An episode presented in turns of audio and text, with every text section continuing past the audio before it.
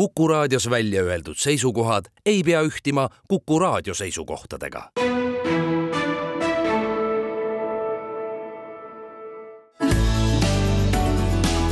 keskpäevatund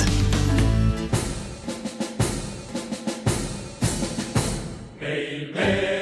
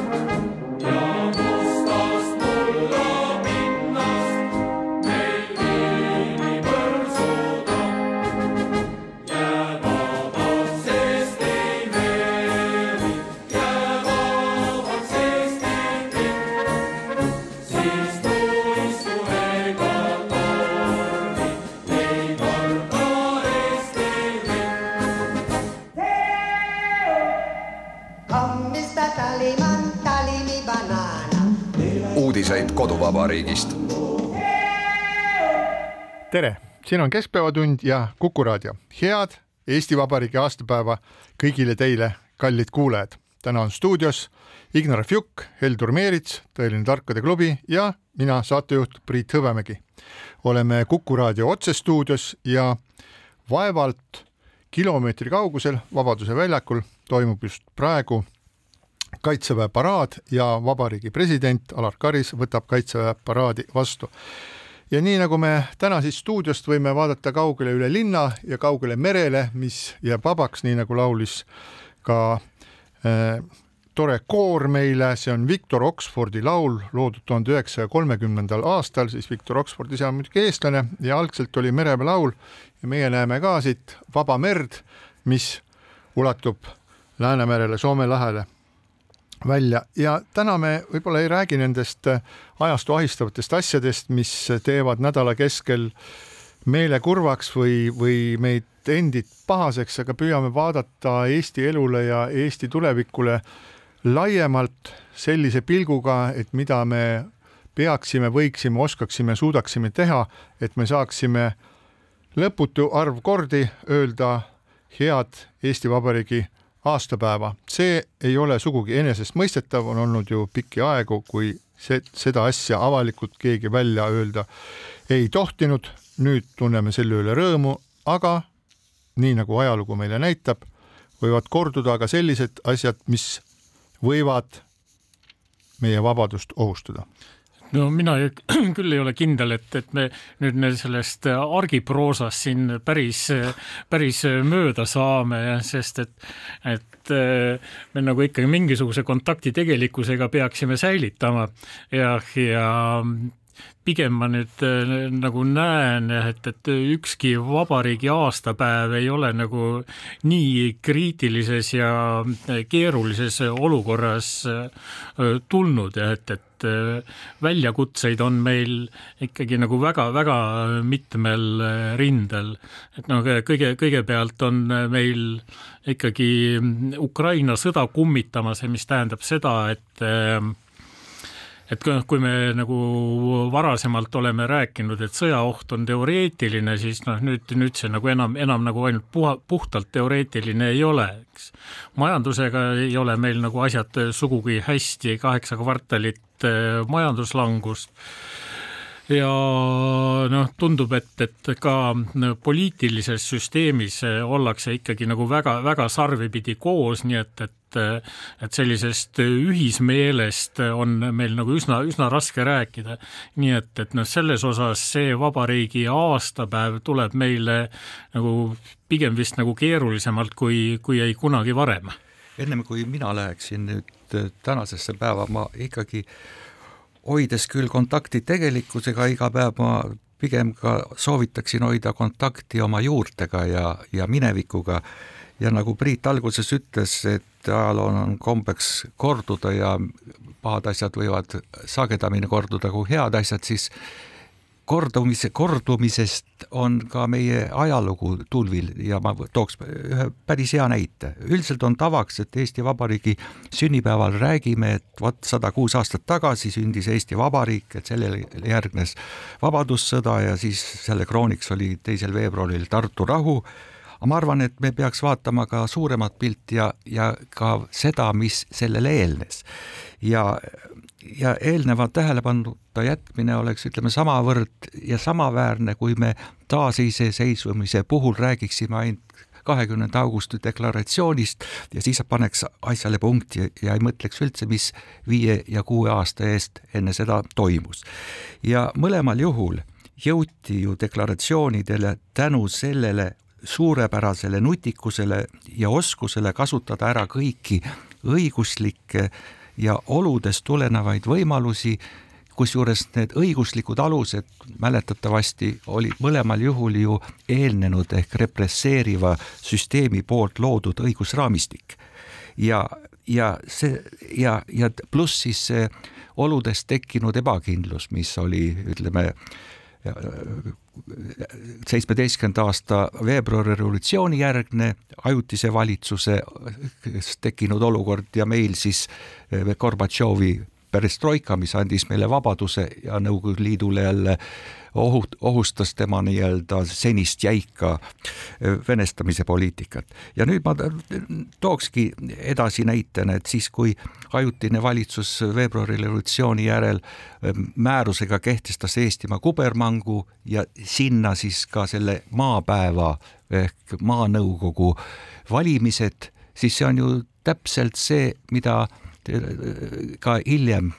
meil enne äh, iseseisvuse taastamist meil siin tehti. maapäev kuulutas ka ennast Eesti territooriumi valitsejaks ja nii nagu suveräänsusdeklaratsioon kaheksakümne kaheksandal aastal kuulutas ka ülimuslikuks kõik Eesti seadused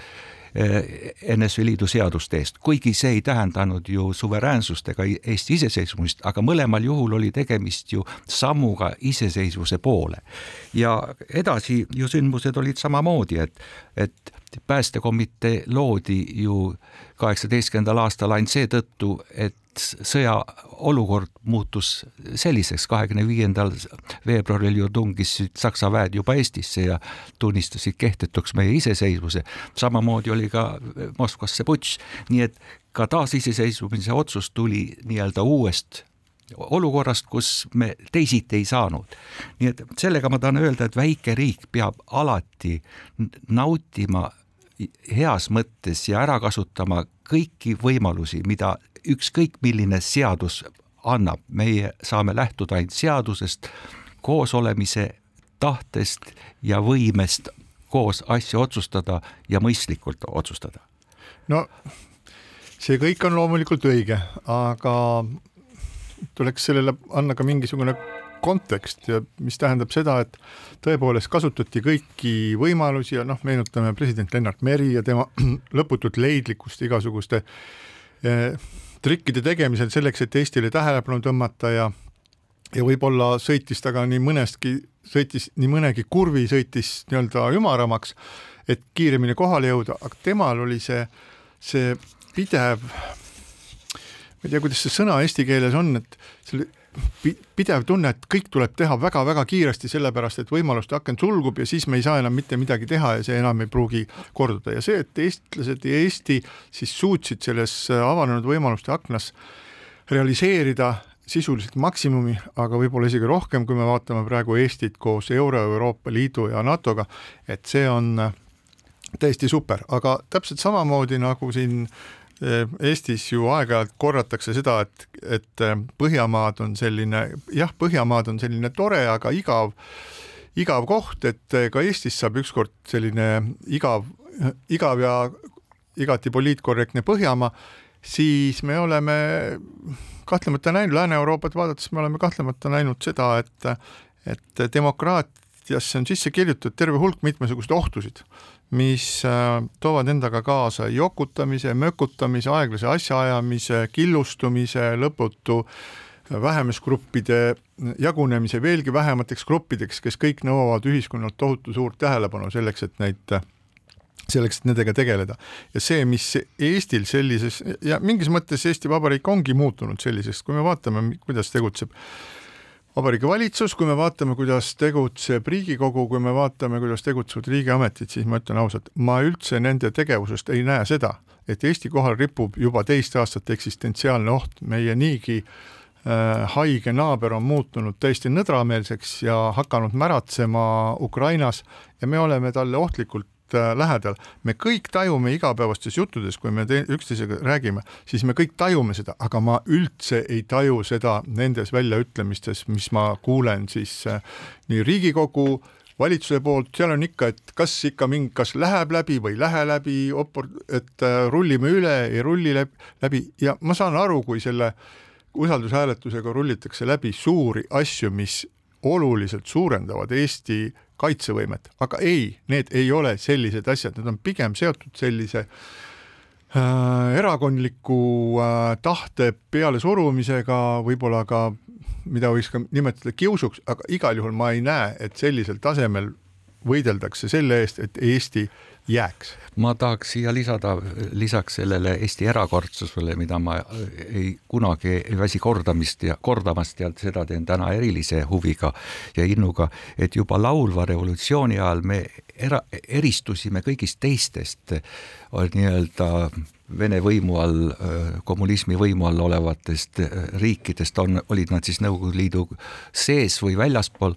et me olime muutusteks rohkem avatud uutele ideedele valla, meilt tuli igasuguseid huvitavaid initsiatiive. ma mäletan, kui me olime juba iseseisvad, et siis ka meie suhtumine, me ei olnud Euroopa Liidus, Euroopa Liidu suhtes oli üsna kriitiline, ma mäletan seda aega, kui me olime kaitsetollide vastu ja meie sõnum oli niimoodi, et meie ei pea võtma üle Euroopa Liidu põllumajanduspoliitikat, vaid Euroopa põllumajanduspoliitika peab ise muutuma, et kui meie sinna lämme, et me ei satuks sellesse nii-öelda äh, kõiksuguste tollide ja, ja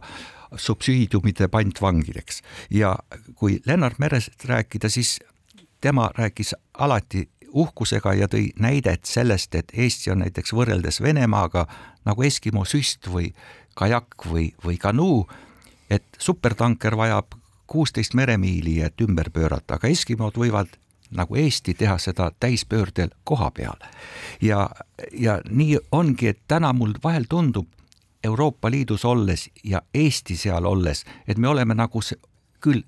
selle supertankeri osa, mis on Euroopa Liit, aga me oleme vahel nagu selle ankur. oivikuna me võtame kõik üle ja kindlustame seeläbi kogu see bürokraatia tulv, mis sealt tuleb. me oleme minetanud isemõtlemise ja me oleme just selles mõttes väga kaitsetud ja see ei ohusta ainult nii-öelda meie meelsust või meie hoiakuid, see meie iseloomist ka, kui me enam ei suuda selgelt mõelda. seda kindlasti, aga nüüd siis anname Heldurile sõna, ta võib saate lõpuni ise rääkida. me oleme talle nii vähe sõna jätnud. ei, ei, ma nüüd nii, nii, nii väga ka ei kurda, eks ja et, et no mis äh, mõtted mul siin äh, teid kuulates tulid pähe, oli see, et, et noh, me saame ajaloost äh, noppida niisuguseid rõõmsamaid ja, ja saame ka niisuguseid vähem rõõmsamaid aspekte välja noppida.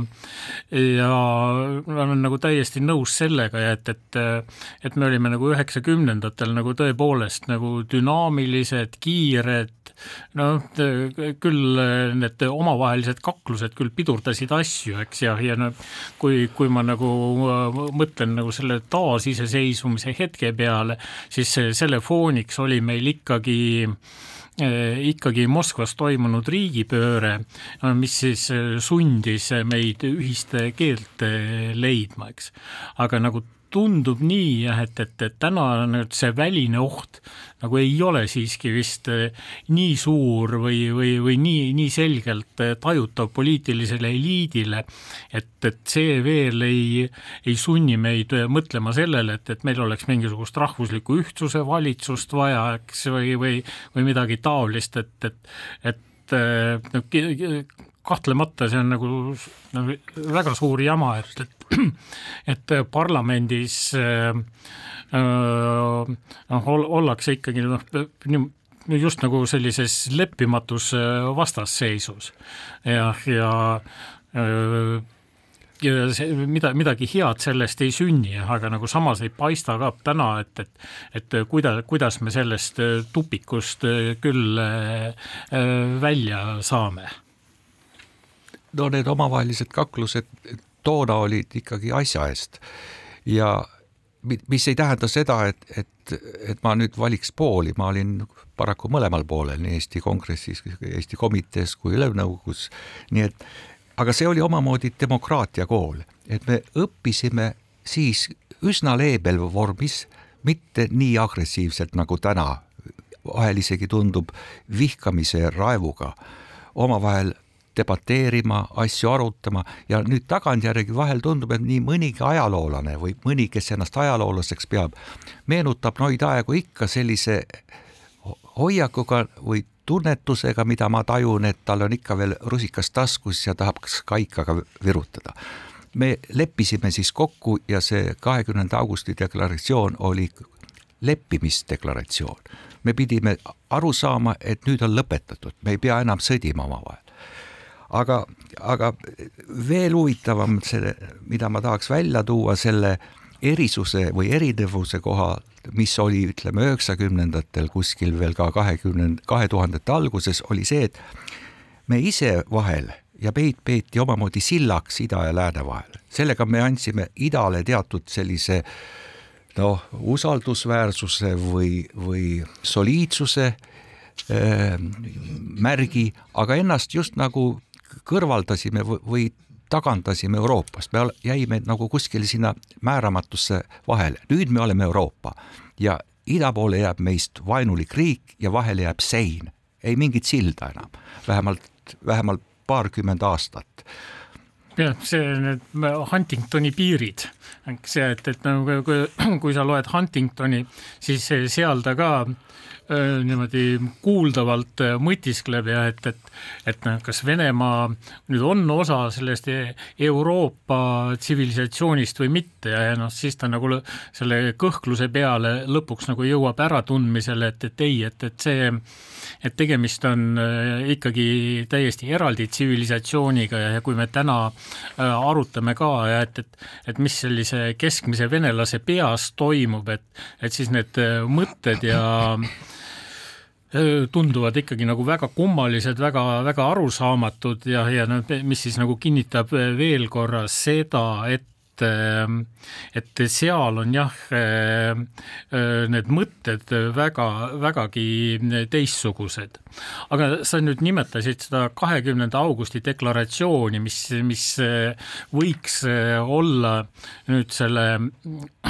no mis on nagu näide sellest ja et, et kuidas neid erimeelsusi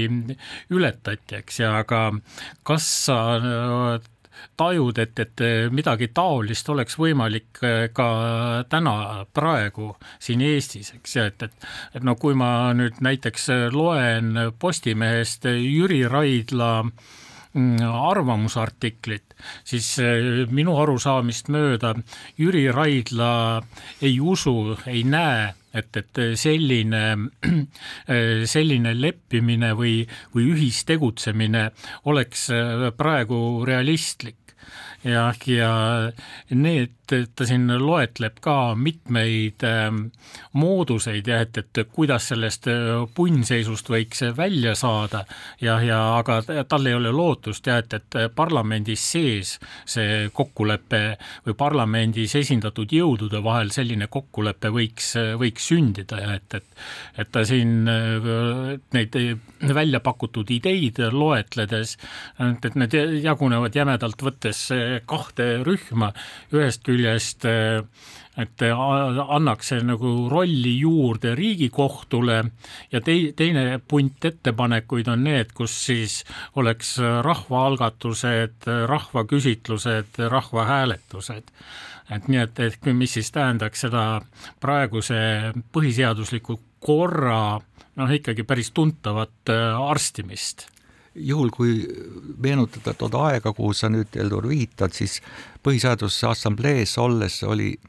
paljude muude küsimuste hulgas, no näiteks kuidas on reguleeritud omavalitsused põhiseaduses, oli ük-, kaks teemat, mis olid kestvad. esimene nendest oli, kuivõrd juhinduda kahekümnendatel aastatel Eestis noh, aset leidnud sellist superparlamentarismist, kus eh, valitsused püsinud ja, ja kõik toimus nii kuidagi kerglaselt, rahvale ka mitte, tundus mitte soliidselt. Ja, ja seetõttu leiti, leidsime Põhiseaduse Assamblees, et see nii-öelda erakorraliste valimiste esilekutsumine peaks olema üsna raskendatud, mida ka tänane põhiseadus on ja mis hoiabki seda obstruktsiooni ja praegust vastasseisu nii, nii nii-öelda patiseisus, sest sealt kerget väljatulekut läbi põhiseadus ei ole. ja teine teema siis oli muidugi presidendi valimisega seonduv ja siin meil oli nii-öelda ohu äh, või punaseks lipukeseks see, mis juhtus kolmekümnendate aastate teisel poolel, neljakümnendal aastal, kus ühe isiku allkirja läbi sai teha riigi staatusega noh, surmavaid otsuseid. ja nüüd, kui tulla selles, sellesse sinu küsimusega tänasesse päeva, siis ma kujutan ette, et eeldusi mingisuguseks selliseks kokkuleppeks, suureks üle rahva ulatuvaks kokkuleppeks, nagu oli see taasiseseisvumise deklaratsioon, täna need eeldused puuduvad. nii nagu kaheksateistkümnendal aastal oli selle eel aastakümneid kestnud venestamine ja tuhande üheksasaja viienda aasta revolutsioon nii-öelda, kus Vene tsaari sõjamehed lihtsalt lasid surnuks kolmsada või rohkem eestlast, tuhanded said vigastada ja meil eelnes äh, taastamise otsusele aastakümneid kestnud venestamine, küüditamised ja nii edasi, nii et seda enam me ei mäleta ja, ja, ja need eeldused selleks ühtsuseks ei ole, ma arvan, et on vaja eeldada lihtsalt, et, et eestlane poliitikuna on nüüd targem. no ja seda võib alati loota. nüüd äh, äh, sa tegid siin äh, sellise vinjeti joonistasid, öeldes, et ühe isiku allkirjaga, tuletame meelde, et Konstantin Pätsil oli eile saja viiekümnes äh, sünniaastapäev, et äh, see asi on väga palju keerulisem, kui lihtsalt nagu ta kirjutada ajaloost maha ühe lausega ühes raadiosaates, tegelikult on olemas üks äh, väga oluline doktoritöö, mis, mille on kirjutanud Ago Raudsepp ja see doktoritöö arutleb teema üle äh,, arutleb teema üle äh, et kui Eestis oleks äh, äh, olnud nii-öelda äh, Soome Soome, Soome tüüpi demokraatia ehk et demokraatlik siis parlament oleks töötanud ja kas siis oleks see lõpptulemus olnud teistsugune? Ago Raudsepp, et jõuab järeldusele, et ei, lõpp oleks olnud ikka samasugune, et selles mõttes nagu Pätsi kir-, ajaloos nagu maha kirjutada lihtsalt ühe lausega, ma arvan, et see ei ole õige, et ta on lõppkokkuvõttes ikkagi väga oluline isik ja Eesti, üks Eesti iseseisvuse isasid. aga siinkohal väike paus.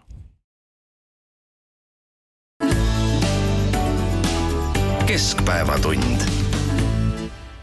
kuku raadio ja Keskpäevatund jätkavad, on kena,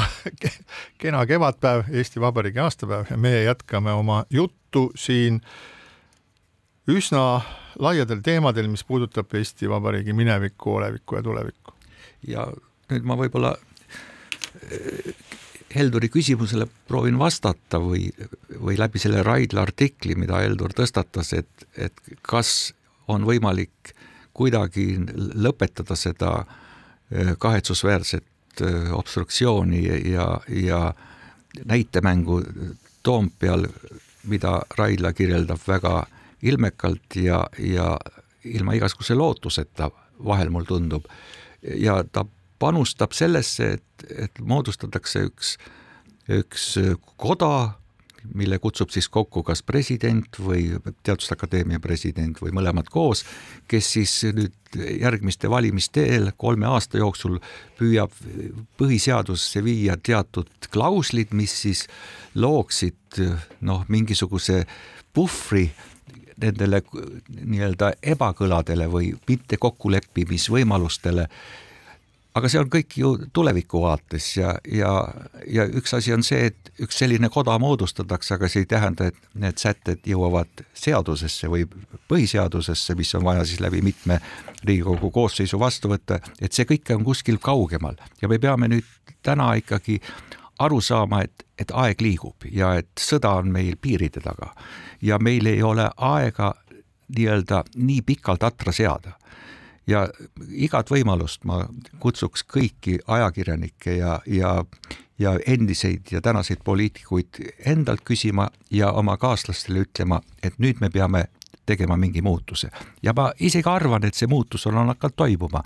uudiste järgi ju EKRE on juba tagasi võtnud mõned äh, seaduseelnõud, mis noh, on algusest peale olnud nii-öelda kontekstist väljas, aga nüüd nad ütlevad, et need on ka juba igas mõttes kontekstist väljas, aga ma arvan, see on algus. Nad peavad aru saama ja küllap nad saavad, seal on väga arukaid inimesi, kes saavad aru, et, et see tegutsemine ei ole ammu juba ei valitsuse ega peaministri vastu, vaid see on Eesti vastu. ja üks erakond, mis on Eesti eest, ei saa nii kaua nii tegutseda no jah, tavaliselt küll on, lähevad asjad niimoodi, et, et need pisikesed ja lähemad huvid nagu käivad üle nendest üldisematest ja pikemaajalistest huvidest. Ja noh, sinu, sinu juttu kuulates muidugi võiks jääda mulje, et, et sa oled sellisel seisukohal, et, et EKRE on nüüd nagu ainuk-, ainukene süüdlane ja kõik on, kõik on just nagu nende taga kinni, eks, ja et, et et noh, et, et ma ei, et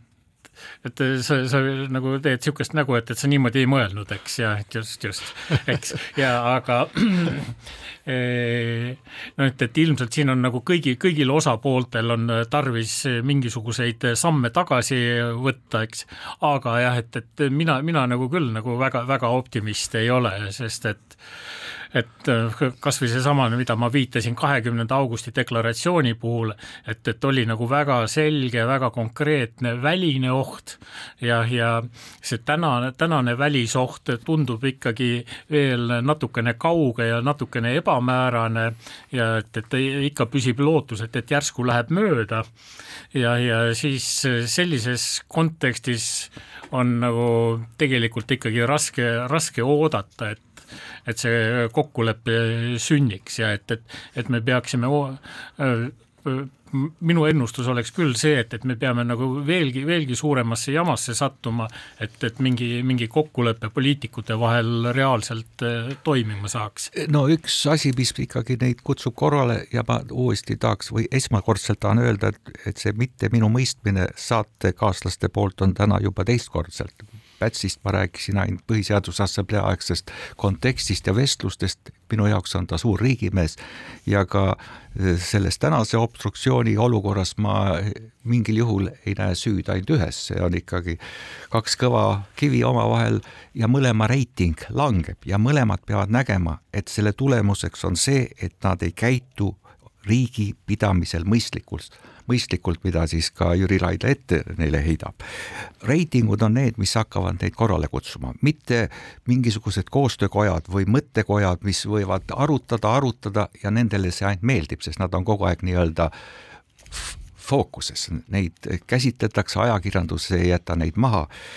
aga selle nii-öelda Heldur, sinu poolt nimetatud, et äkki oleks vaja mingit rahvusliku ühtsuse valitsust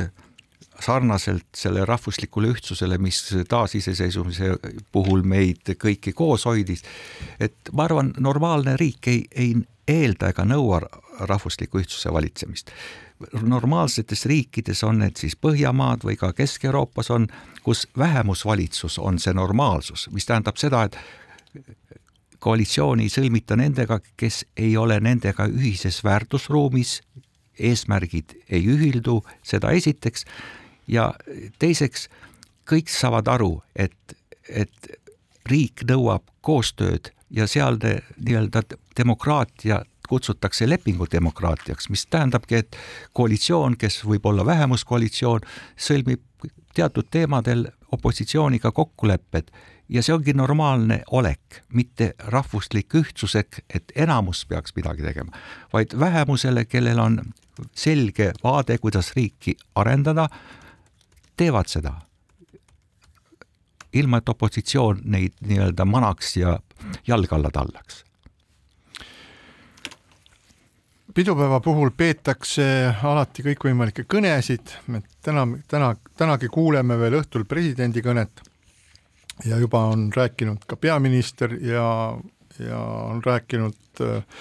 teised riigimehed, hommikul räägiti ka lipu heiskamisel Toompeal, aga kõikides nendest kõnedest on mulle jätnud kõige suurema mulje president Toomas Hendrik Ilvese kõne, mille ta pidas Tartu Ülikoolis aastapäeva kõne. Ja tema väljendas seal ühte mõtet, mida me oleme ühekaupa ja mitmekesi üsna pika aja vältel siin äh, Kuku raadios juba väljendanud ja selle võiks kokku võtta nii, et äh, kui äh, Eestil on varem olnud väga selged eesmärgid, oli Euroopa Liit, oli NATO ja me olime üsna üksmeelsed selle kõige taga, aga nüüd ei ole selliseid äh, eesmärke, see on minu kommentaar siin vahepeal, et see, et Eestil puuduvad strateegilised eesmärgid, et see on üks selline, see on üks häda, ma tegin siin eile õhtul tegin Eesti Vabariigi SWOT analüüsi, see on siis selline maatriksanalüüs, mis siis, kuhu on siis koondatud tugevused, nõrkused, võimalused ja ohud ja millega tavaliselt, kui minnakse mingisse uude projekti sisse või vana projekt hakkab käes ära surema, siis tehakse see selline analüüs, pannakse kõik need ähm, tugevused, nõrkused, võimalused ja ohud kõrvuti ja siis vaadatakse, hakatakse neid omavahel kaaluma. et ähm, nüüd, kui ma seda analüüsi tegin, siis tulemus on see, et kõikides, kõikides nendes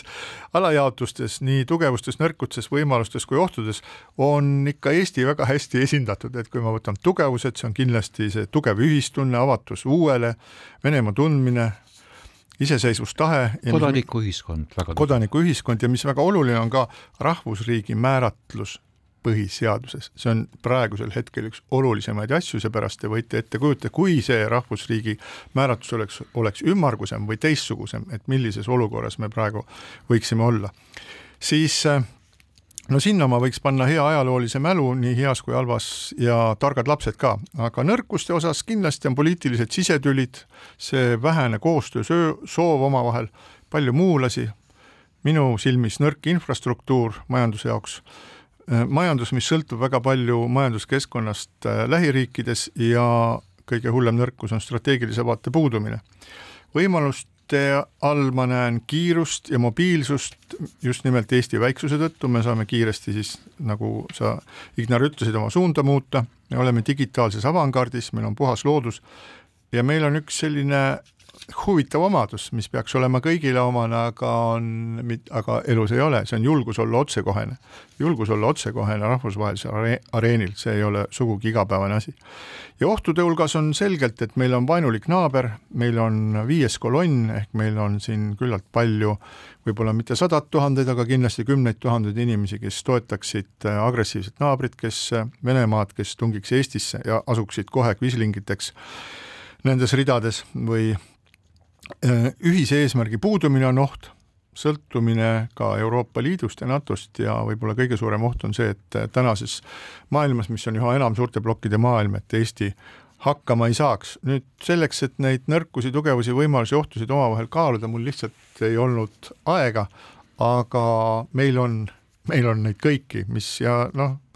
tuleb tugevdada tugevusi ja võimalusi ja vähendada nõrkusid ja ohtusid ja just selles ja see on võet-, kokkuvõetav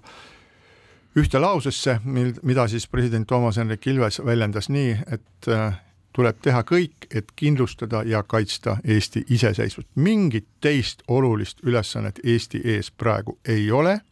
kõik need rohepöörded, värgid, äh, särgid, märgid on kõrvalised, kui meie kohal ripub eksistentsiaalne oht. selles mõttes on Toomas Hendrik Ilves väga täpselt seda väljendanud, ma loodan, et see, inimesed äh, saavad sellest lihtsalt väljendatud äh, lausest ka selgelt aru ja minu unistus on see, et ka äh, ministrid ja valitsuse liikmed ei mõtleks mitte sellele, et kuidas oma siis valitsemisalas rohkem selleks, teiseks või kolmandaks midagi kulutada ja vaadata kolme aasta taha, vaid vaadata igavikku ja saada aru, et kui me täna ei tee kõike, et Eesti jääks iseseisvaks, siis meid võib-olla kümne aasta pärast siin. Sellise vabariigina enam ei ole ja tõenäoliselt kunagi ei tule ka. Et äh,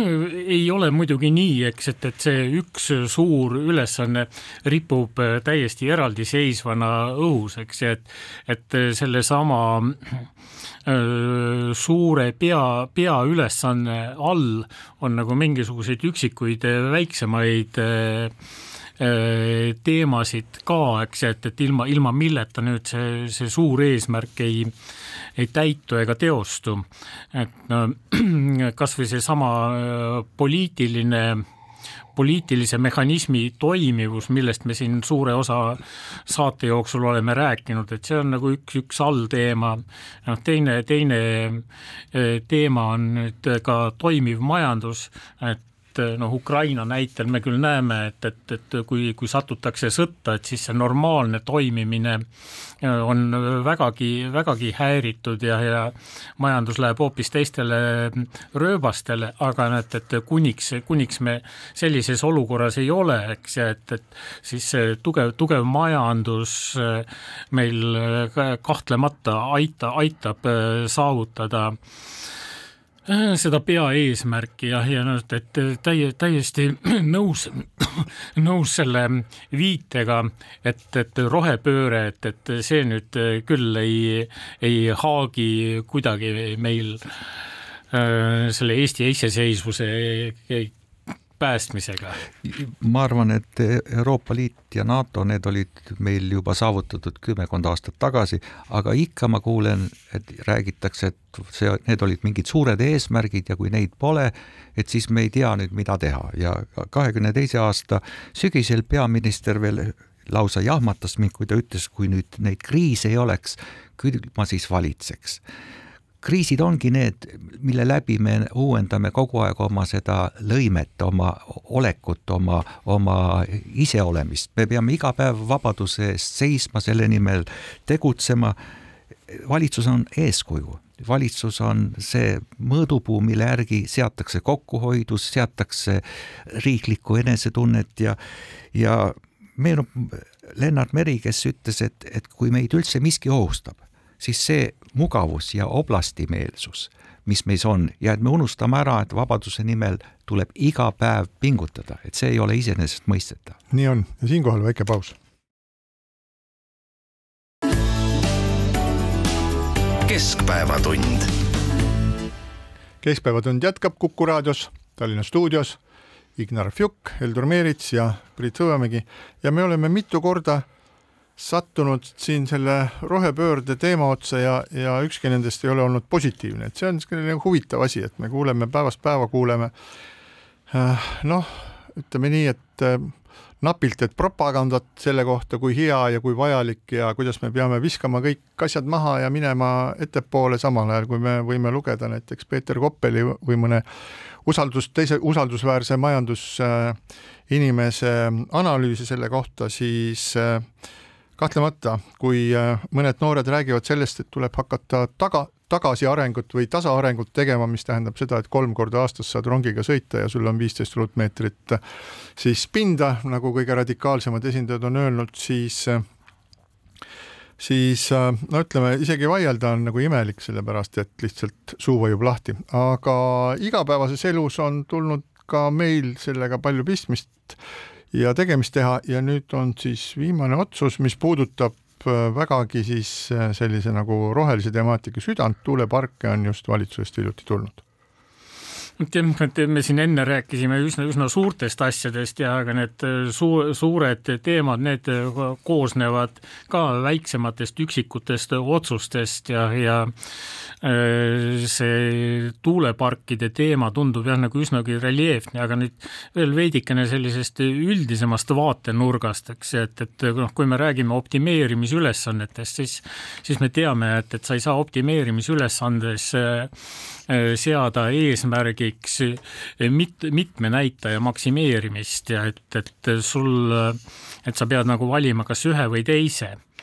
ja nüüd, kui, kui nüüd nagu vaadata seda valitsuse tegevust, et, et siis see valitsuse optimeerimisülesanne tundub olevat eh, just ühega kasvuhoonegaasidest CO2-ga eh, seotud jah, et, et üritatakse just eh, keskenduda sellele, et, et CO2 minimeerida ja, ja noh, selle kõrval nüüd see majanduskasv ja inimeste heaolu, et, et see nüüd jääb sellest, jääb selles optimeerimisülesandes optimeerimisülesandes eh, teise, teisejärguliseks kohaks. aga jah, et, et see tundub küll jah, nagu üsna, üsnagi arusaamatu, või no teisest, teisest küljest on arusaadav ka, et, et kuidas selle tuuleparkide eh, vähempakkumise otsusteni jõuti, aga jah, et, et need mõttekäigud tunduvad olevat sellised, et, et äkki sa, äkki sa seda pakkumist äh, kuidagi lähemalt tutvustad, võib-olla kõik kuulajad ei tea sellest? Äh, no põhiline on võib-olla ehk siin see, et, et, et üks, üks Äh, pakkumiste voor tehakse maismaa tuuleparkidele ja teine tehakse meretuuleparkidele, et, et need mahud on äh, neli megavatti, neli megavatti pluss siis meretuuleparkide puhul võimalusega veel kaks Eh, megavatti sinna lisada, eks, et, et ehk et, et kui, kui nüüd eh, vaadata kõiki neid tootmisvõimsusi tervikuna, siis see suurendaks eh, Eesti elektri tootmise võimalusi nagu üsna, üsna palju, eks, et aga mis selles halba on siis? No see on jah, nagu muidugi nende pakkumiste juures räägitakse ka hinnapõrandast ja hinnalaest mm. ehk et, et kui turuhind on nüüd mingisugusest äh, numbrist väiksem, et siis äh, valitsus ehk maksumaksjad maksavad selle vahe kinni ja, ja see, et siin nüüd äh, räägitakse ühest-kahest miljardist, noh, kuna me ei tea, et, et mis see põranda number on, siis on tegelikult üsna keeruline hinnata ka üldist hinda maksumaksjale, eks. ma võib-olla lisaks siia juurde, et kõrvuti sellega, et on kavas tuuleparkide rajajatele pärast kompenseerida seda võimalikku madalat hinda ja alles kaalutakse seda, et kui on hind kõrgem, et siis äh, ettevõtja tagastab selle nii-öelda maksumaksjale, siis äh, mind paneb selle toetusskeemide juures pigem küsima see, et näiteks tänasel hetkel on äh, seda ala, kus meretuuleparke rajatakse, circa tuhat kaheksasada ruutkilomeetrit, see on, jagatakse kolmeks-neljaks osaks, iga osa pannakse oksjonile eri ajal, aga sellele alale on nelikümmend neli hoonestustaotlust juba praegu ehk ühele kohale pretendeerib mitu arendajat. nähes sellist konkurentsi, et miks on vaja neid veel täiendavalt toetada ja neil s- anda mingeid soodustusi. näiteks Soomes ei, ei maksa maksumaksja tuuleparkide omanikele mitte sentigi. Aga meil hakatakse ka ehitamis nagu kinni maksma, eraettevõte ehitab, aga riik, maksumaksja maksab kinni. miks? ja võib-olla see konks on selles, et riik juba ette teab, et on võimalik küll toota, ütleme, meretuuleparkidega teatud kogus elektrit, aga samas puudub eh, võimalus seda eh, nii-öelda elektrivõrgul vastu võtta. Eestis puuduvad vajalikud võimsused, nii et me maksame nagu tühja töö kinni. Merepargid rajatakse, aga seda energiat ei saa kasutada. nii et see on, kõik on nii-öelda, seisab nii-öelda vigastel jalgadel ja, ja läbi kumab ikkagi see, et ettevõtlus ja tuuleparkide rajamine on kahjumlik tegevus, mujal maailmas on see kasumlik ja neid tuleb sellega nii-öelda dot-, dote-, doteerida. tundub nii, et, et et tegelikult nagu kõik see sammude ahel algas äh, sellest kummalisest mõttest, et äh, taastuvenergia toodang peab olema vähemalt sada protsenti Eesti tarbimisest. mis siis tähendab seda, eks, et, et mingisugune hulk taastuvenergiat jääb sul üle et, et kuna kogu aeg see tuul ei puhu ja päike ei paista, nagu me juba korduvalt oleme meenutanud ja täna ongi nagu ebaselge ja et, et mida, mida siis selle nii-öelda ülejääva taastuvenergiaga tehakse. ühest küljest me kuuleme üleskutseid, et me peame otsima ja kutsuma Eestisse energiamahukaid ettevõtteid, noh kuigi elektritarve nagunii kasvab ka, eks. aga jah, et ja siis see positiivne detail on seal see, et, et,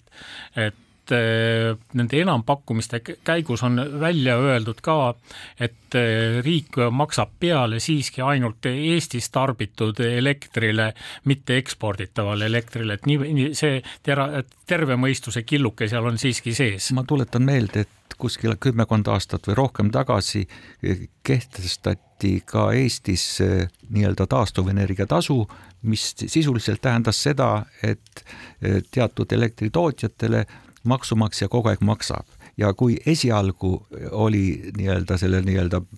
taastuvenergiajaamade rajamine ja selle toetamine põhjendatud, siis õige pea, mõne aasta möödudes juba selgus, et see toetust enam ei ole vaja, et see rikub turukonkurentsi, et see oleks ära vaja võtta. aga vaat paraku seaduses ei olnud seda klauslit, kuidas seda ära võtta. pigem